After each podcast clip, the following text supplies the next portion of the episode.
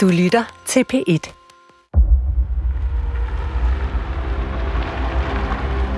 Nils and I are standing on a parking lot. The place is uh, somewhat desolate, but we see a few men passing by, looking at them. And then from across the parking lot, we can suddenly see a guy fitting the description just spot on. Lisbeth and Nils are in a parking lot at an undisclosed location in a European country somewhere outside of Scandinavia. We got an invitation to travel to another country in Europe to meet with the source. They've been told to look out for a man who looks like a younger version of a famous Russian revolutionary. What was curious about the invitation was that we did not know exactly who we were going to meet.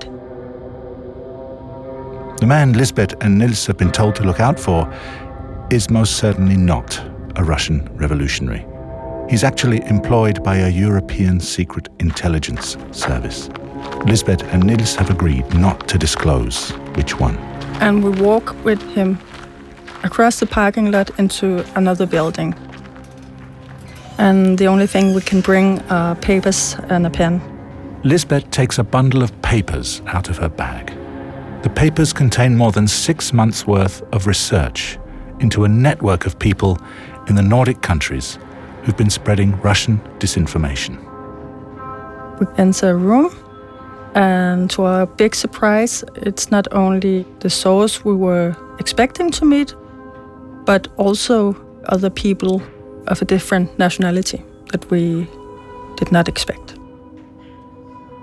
They are reluctant to tell us who they are. So, the first part of uh, the conversation, we spend a lot of time just listening to the tone of their voice, analyzing their appearance. At some point, we are able to figure out who they are.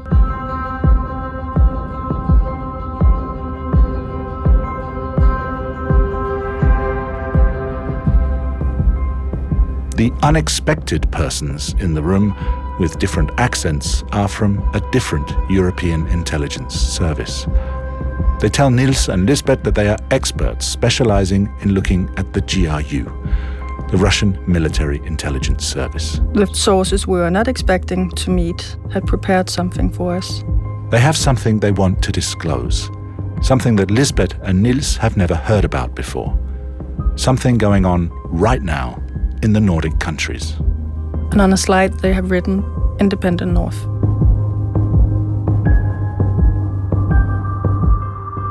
Hi, guys.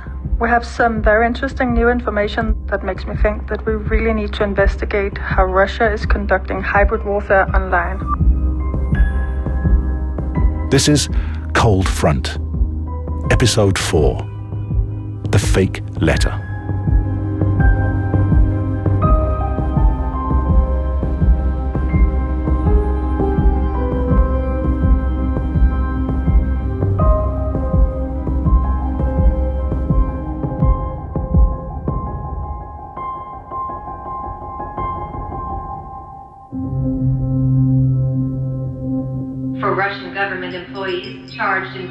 Historical hacking campaigns. According to experts, one of Russia's most powerful weapons are their cyber weapons. Claims it attacked Danish central bank, finance ministry. In recent years, Russian hacking groups have successfully hacked into sensitive databases, temporarily shut down banks, media, and even critical energy infrastructure. seven Russians sanctioned over ransomware cybercrime.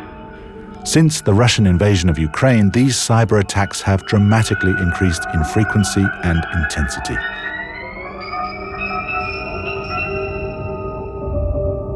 Despite being hard to prevent, these attacks seem to be detected quickly and shut down. But while the Norwegian journalist Håvard is on a research trip in the northernmost part of Norway, he receives a tip about a kind of surveillance technology that's extremely hard to detect and which would require Russian agents to operate within the borders of the Nordic countries. So I've been back from Kirkenes a couple of days, and there's this thing that we heard when we were there that's been really bothering me. Kirkenes is located in the far northeastern corner of mainland Norway, very close to the Russian border. It's important to note that this is just a tip, something that journalists receive often. It doesn't mean it's true. They need to investigate it for themselves. Hey, Frederick, how's it going? So Håvard sends an audio message to fellow tech journalist and the youngest member of the team, Frederick, who's based in Copenhagen, Denmark. We heard from a reliable source that the Russians have the capacity, they have fake uh, mobile networks operating so that uh, using IMSI catchers, they will lure Norwegian cell phones over to their network and be able to infiltrate them, hack them, do some sort of surveillance. We don't know yet. And it's been really bothering me because if this proves to be correct, it's a huge scandal. Hey, Håvard. I just heard your message now. It's really, really interesting. Because he's received a similar tip in Copenhagen. So it's actually a pretty crazy coincidence. Because just two weeks before I get this sound message from Håvard, we have received a very similar tip in Copenhagen that I've just recently, at this point, started to investigate. The sources with the tip tells us that the Russians are using some kind of spy tech called an IMSI catcher in Copenhagen, and according to Håvard's recent tip, apparently also in Kirkenes.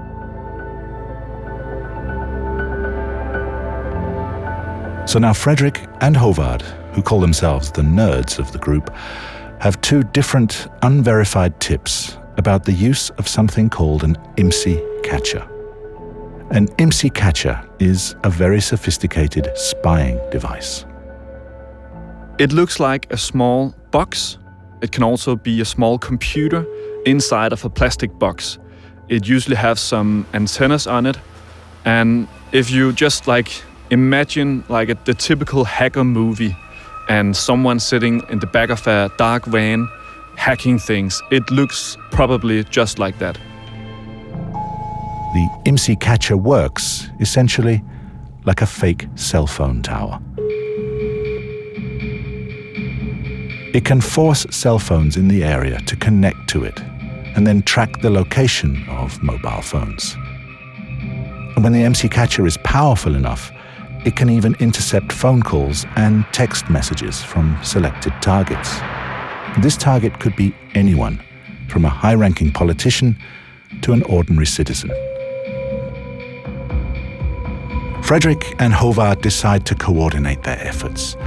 They set about trying to find ways to detect if there are any fake cell towers operating in Kirkenes and also in Copenhagen.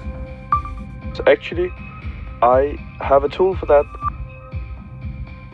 Frederick is in contact with a hacking expert called Kjeld Norman at the Danish security firm Dubex. And right now, he's building a tool for Frederick and Håvard to use.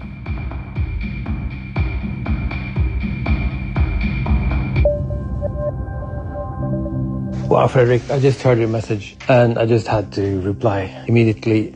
Let's just uh, let's just get cracking. Let's start doing this. Let's start mapping and find out whether this is this source is reliable or not. Frederick and Håvard meet up with the hacking expert in Copenhagen to learn how to hunt IMSI catchers and to make a plan. When we arrive, he have all the components to build a machine that can detect IMSI catchers. Håvard is really skilled at coding and engineering, so he just understands everything like in the first second, and I probably need to have things explained like five or six times. The tool they're going to use is called Crocodile Hunter. When we leave that day, we have a plan, and that plan is that I have one of these so called crocodile hunters that can detect IMSI catchers. And I'm gonna try to drive around Copenhagen together with Nils to see if the tips are legit. Håvard is going back to Kirkenes to set it up in a hotel room. Frederick and Håvard decide to use their high tech tool to try to spy on the spies.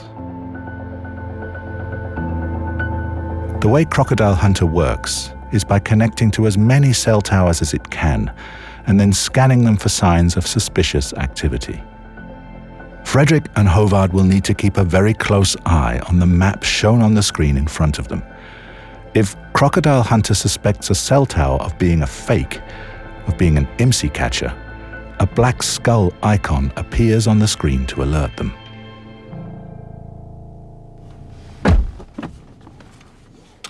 We are in a van because if we get something, we need to move quite fast. The persons using an IMSI catcher would probably also be in a van, so it's going to be moving. Nils, who initiated this whole project, is driving, and Frederick is sitting in the back with all the gear, trying to find IMSI catchers in Copenhagen. We try to go to different political buildings, ministries. We try actually to go to the Danish intelligence services as well, to the Russian embassy, to other embassies to find IMSI catchers.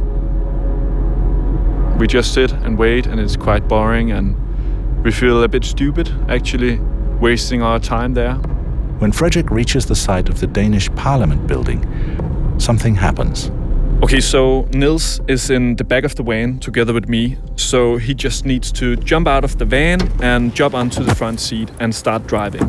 Uh, it looks like the potential IMSI catcher is just a bit north from us, so we just try to drive in the northern direction. But it's in the middle of the day, it's horrible traffic, but yeah, we, we managed to get a bit north and, and tries to run the computer again. We just saw one instance of a cell tower that looks like it might could be an IMSI catcher. It It shows up as a skull on the map, but it's gone again. So now, right now, we're trying to drive in the direction of it to see if it'll pop on the screen again. Hey Håvard, so we tried to, to drive in, in that direction, close to Christiansborg, which is uh, where the Parliament of, of Denmark is. But yeah, we never see it again.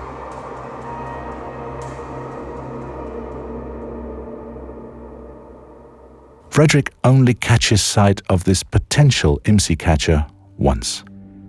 Meanwhile, in Kirkenes, Håvard seems to find something interesting as well. He's let the crocodile hunter run all night while he slept in a hotel close to the harbor. Oh my. Oh my god. Thought, yeah, let's just see if there's anything on the crocodile hunter and there's a skull on the map. Hey Håvard, um, that's just, yeah, that's crazy. There's a skull just a couple hundred meters from the hotel. He and Håvard now have two indicators that someone could be using IMSI catchers both in Copenhagen and in Kirkenes. But the data they've collected still needs to be verified by experts.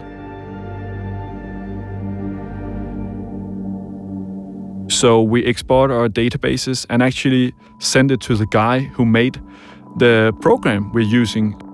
And uh, he's willing to, to look at all the data from us. After a couple of weeks, the experts get back to them with their conclusion.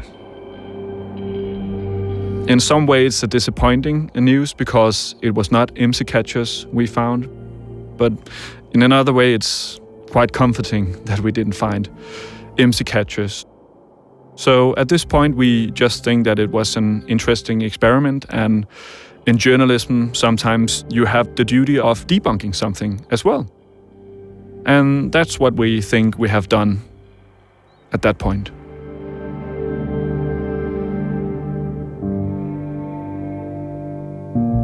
But um, some months later, actually, um, we hear from sources we have been talking to about spies, about covert Russian uh, vessels, about disinformation.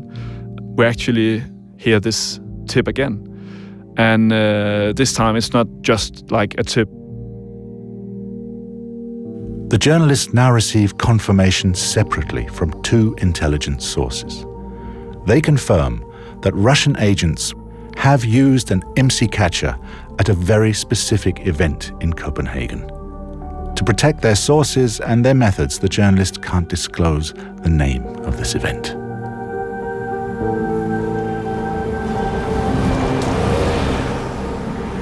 But we're allowed to say this much. In Copenhagen, the Russians have carried out a covert operation using an IMSI catcher some years ago. It actually happened in a part of Copenhagen that I bike through every morning. Here, a discreet Russian vehicle with an IMSI catcher inside drove by a high profile political event. Their objective was, at least according to our sources, to intercept phone calls, messages, and get an overview of who was attending this meeting. We don't know if they succeeded in intercepting anything, but the fact that they tried this is interesting in itself.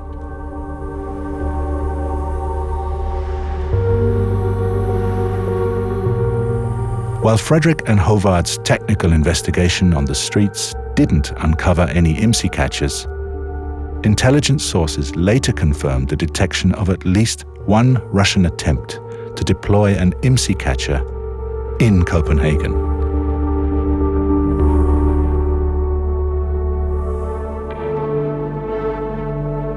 Many of the sources we have talked to, they say that the IMSI catcher probably only constitute a small fraction of Russian cyber capabilities. They have a growing concern that newer and more advanced digital surveillance tools prove to be even more effective and harder to detect. The journalists reached out to the Russian embassy in Copenhagen for comment on the claim that Russian agents have, at least once, used an IMSI catcher in Copenhagen. But the embassy has not replied to this inquiry. To the Norwegian journalists on the team, the chief of counterintelligence in the Norwegian security agency PST says that the Russians have the same capacity in Oslo, and that they also have the capacity to conduct other kinds of technological surveillance from the roof of the Russian embassy in Oslo. The Russian embassy in Oslo states that this information is false. While Russian hacking and cyber surveillance are certainly worrying, sources within the intelligence community suggest that possibly Russia's most potent cyber capability lies in the realm disinformation. During the Cold War, both sides used disinformation as a tactic. But in more recent times, it's Russia that has become best known in the West for its online disinformation operations. In fact, the word disinformation itself is derived from the KGB coined Desinformatia.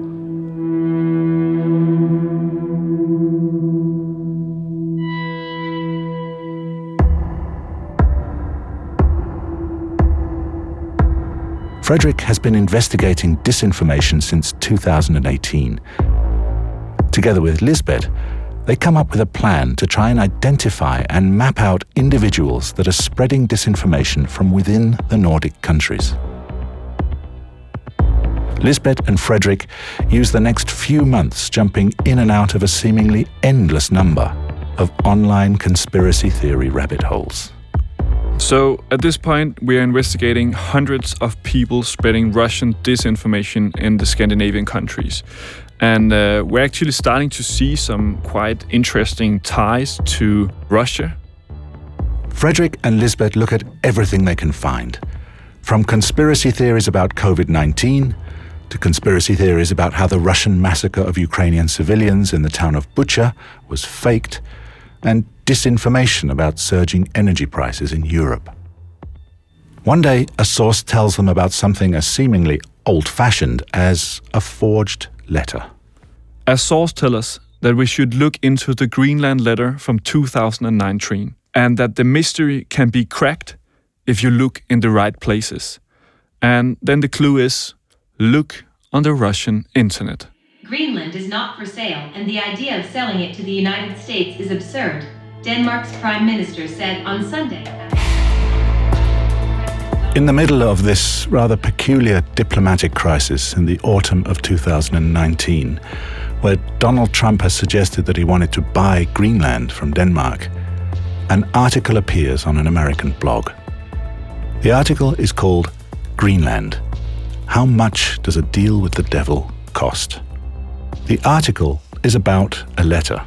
A letter that, if it's true, would land a bombshell in the middle of this diplomatic crisis between Denmark, the United States, and Greenland. It appears to be a leaked letter written by a United States senator and sent to the Minister of Foreign Affairs in Greenland. According to the letter, the United States and Greenland have already agreed a deal that Greenland can be part of the United States without consulting Denmark. There's just one problem. The letter is a forgery. It has been created by an unknown person, seemingly with the intention of causing friction between Denmark, Greenland, and the USA. Even though the letter was published more than three years ago, the mystery of who made it is still unsolved. So I kind of drop everything and start to look at this. And in the next couple of weeks, I spent my time on what is called the RuNet, the Russian side of the internet. So, the first time the letter is shared is on an American webpage by a guy called Kirk Miller.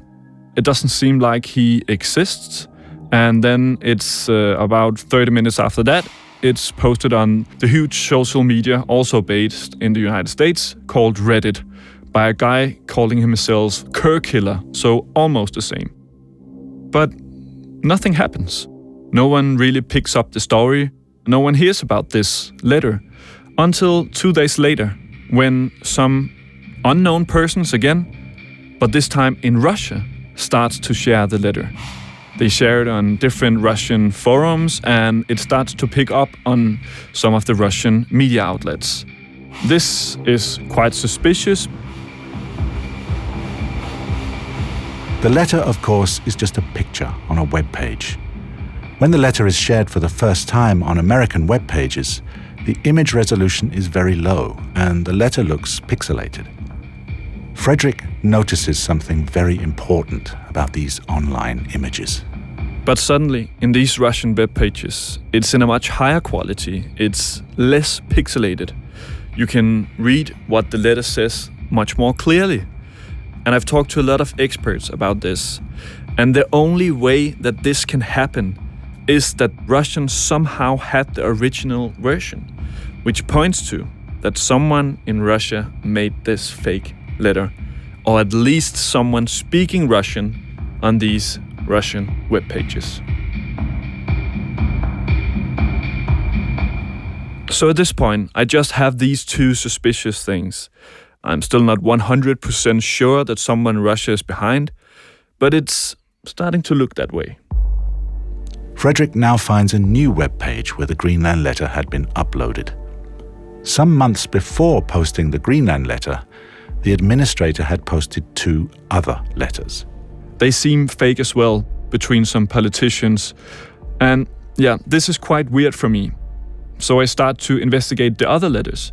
And Quite quickly, I find out that some really skilled researchers at something called Digital Forensic Research Lab, also called DFR Lab, have looked into not only these now three letters, but more than 2,500 forged letters, documents, and emails.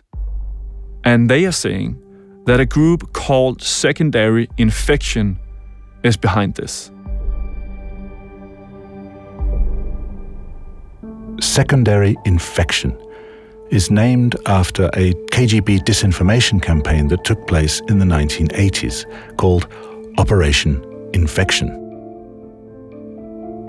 The purpose of that disinformation campaign was to plant the idea that the United States had deliberately created HIV and AIDS at a biolab in Fort Detrick, Maryland, to use as a kind of biological weapon. Even without internet or social media to amplify this message, the operation was relatively successful. In 1992, A survey made by Rutgers University found that 15% of Americans considered it definitely or probably true that, quote, the AIDS virus was created deliberately in a government laboratory.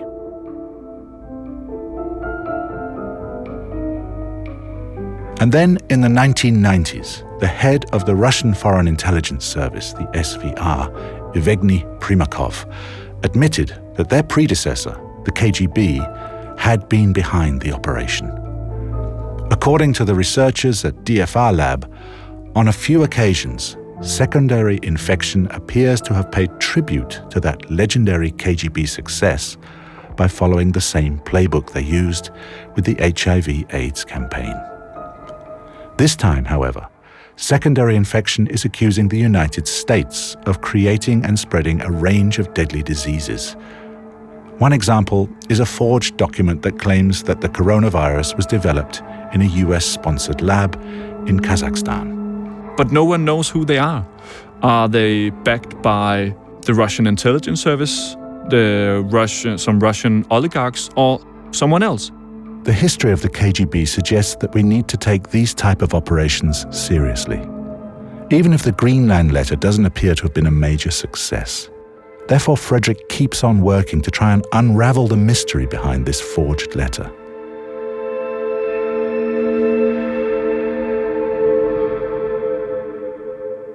Every couple of days, I just try something new to get further down this investigation. One day, I actually find a really interesting lead. The same day when the letter is first published, it is also shared on the social media called Reddit by a guy calling himself Kirkiller And um, the only other place in the world I can find someone who I can identify using this username is a guy in Russia and I find it on the social media called VK. VK stands for VKontakte. It's essentially a Russian version of Facebook. It looks a lot like Facebook did, say, 10 years ago. Yeah, it could be a coincidence. I don't know. I'm not like convinced at anything. But then I tried to translate his social media page. I can see that he is a very skilled IT guy. He works with graphics. He makes memes and other funny internet content. And the first thing he writes about himself is a quote. Let me find it. I can read it out. It's, and I translate it now cracking passwords, forging documents, and knowledge of accounting are not part of the duties of a system administrator. And I don't know what this means. Maybe it's a joke. Uh, but the fact that this guy is the only guy I could find using the same username as the first person sharing the letter on social media, the first thing he writes about himself is the word forging documents. That's just interesting. So I write to him.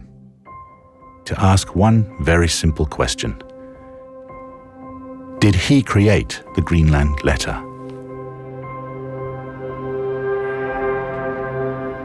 Hey, so I just checked my uh, VK profile uh, where I have written to Kirkiller to ask him if he's the guy behind the fake Greenland letter. And um, I can see that he has seen my message, but uh, he hasn't answered, and now he has blocked my profile from writing to him and even watching his profile anymore. So that's kind of a bummer. Yeah. Talk to you soon.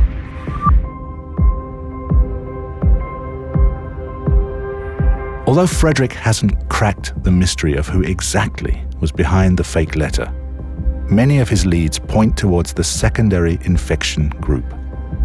But why are they so busy creating fake letters? Yeah, so according to our sources and research they have done, uh, and what we have looked into as well, of course, Secondary infection seems to be a group running these disinformation campaigns. They are monitoring the big like conflicts between Western countries, European countries. So when they have found a specific conflict, they try to make a fake letter, email, document that can make this conflict even worse. According to the experts Frederick consults, the overarching strategy behind all Russian disinformation efforts is to exacerbate conflict within the West and erode public trust in their own governments and institutions. These experts believe that, in Vladimir Putin's view, a weakened West ultimately translates to a stronger Russia. While Frederick investigates the falsified Greenland letter, he and Lisbeth continue their project mapping individuals in Scandinavia that can be seen systematically sharing Russian sourced disinformation. We have mapped out a network of 152 persons in the Nordic countries that have spread at least three different types of disinformation narratives that is either created by or amplified by Russian state actors. They have identified the 152 individuals using criteria developed with researchers from Roskilde University in Denmark. In the network, we find people all across the political spectrum in radical right wing groups, on the radical left, in peace movements. And these 152 persons is in this network connected to a lot of people in Russia and across Europe that have different kind of ties to Russia.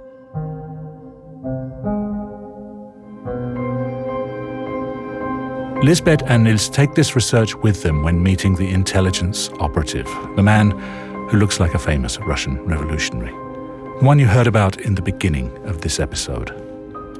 They want to find out if the Russian intelligence services are directly involved in the spreading of disinformation in the Nordic countries.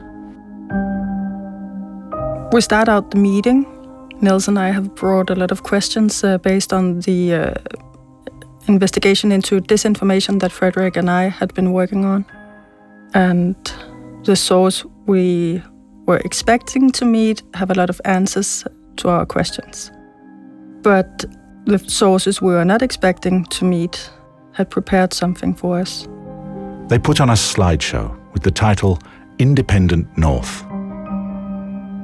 The group of intelligence officers talked to Lisbeth and Nils about what they know about an ongoing disinformation campaign that, according to them, is being run by the GRU, the military wing of Russian intelligence. So, what we're basically looking at is a web page and a Twitter channel that are run by one, two, three employees of uh, the Russian intelligence service GRU, who will be going to work in the morning, uh, entering this uh, building in Moscow called the Tower. That's the term that's used within the GRU.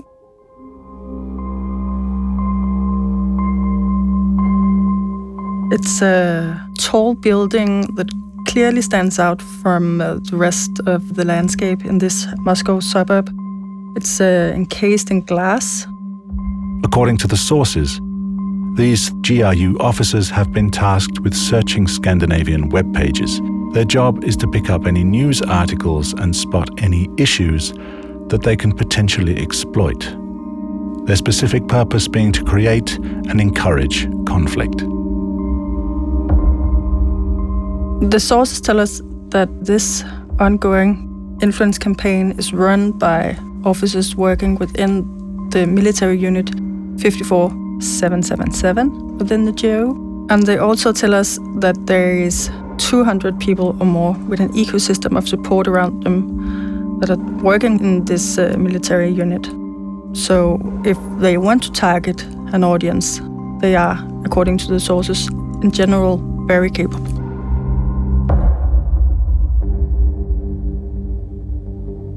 Back in Copenhagen, Lisbeth starts applying what she's been told to her research. What she finds is the news site, Independent North. We have articles on the Nord Stream pipelines, articles on military support in Ukraine, a lot of content on the Swedish and Finnish uh, approach to NATO membership. Lisbeth finds a Twitter account that, according to the sources, is also run by the same employees of the GRU. The articles can appear quite neutral, not pro Russian, not anti NATO. But when they are posted on the Twitter account, the comment added to the article is often anti NATO, anti West. The journalists talked to other intelligence sources about the Independent North operation.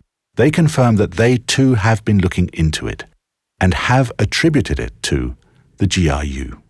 The sources tell us that this is not a very successful information campaign, influence campaign. And our own analysis paints the same picture.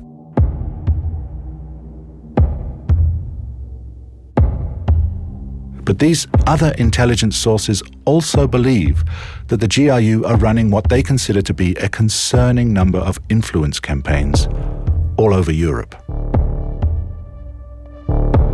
The journalists have reached out to the Russian embassy in Copenhagen for a comment on the claim that the Independent North is a campaign run by the GRU. The embassy has not responded.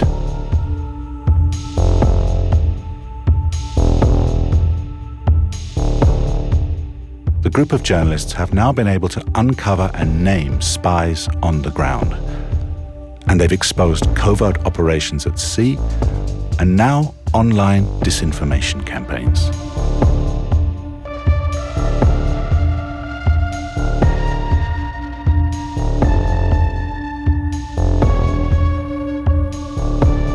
The next episode, our team of journalists will shed light onto perhaps the most sinister aspect of Russia's hybrid warfare strategy suspected, sanctioned killings. The man is breathing heavily and he looks around uh, his apartment. And he starts filming a man on the floor. Around his head, uh, there is a lot of blood. The man who is filming, he says very furiously, Who sent you? Заткнись. He says in Russian. Who sent you? They preшоite motal beat me, чтобы no. That's next time on Cold Front.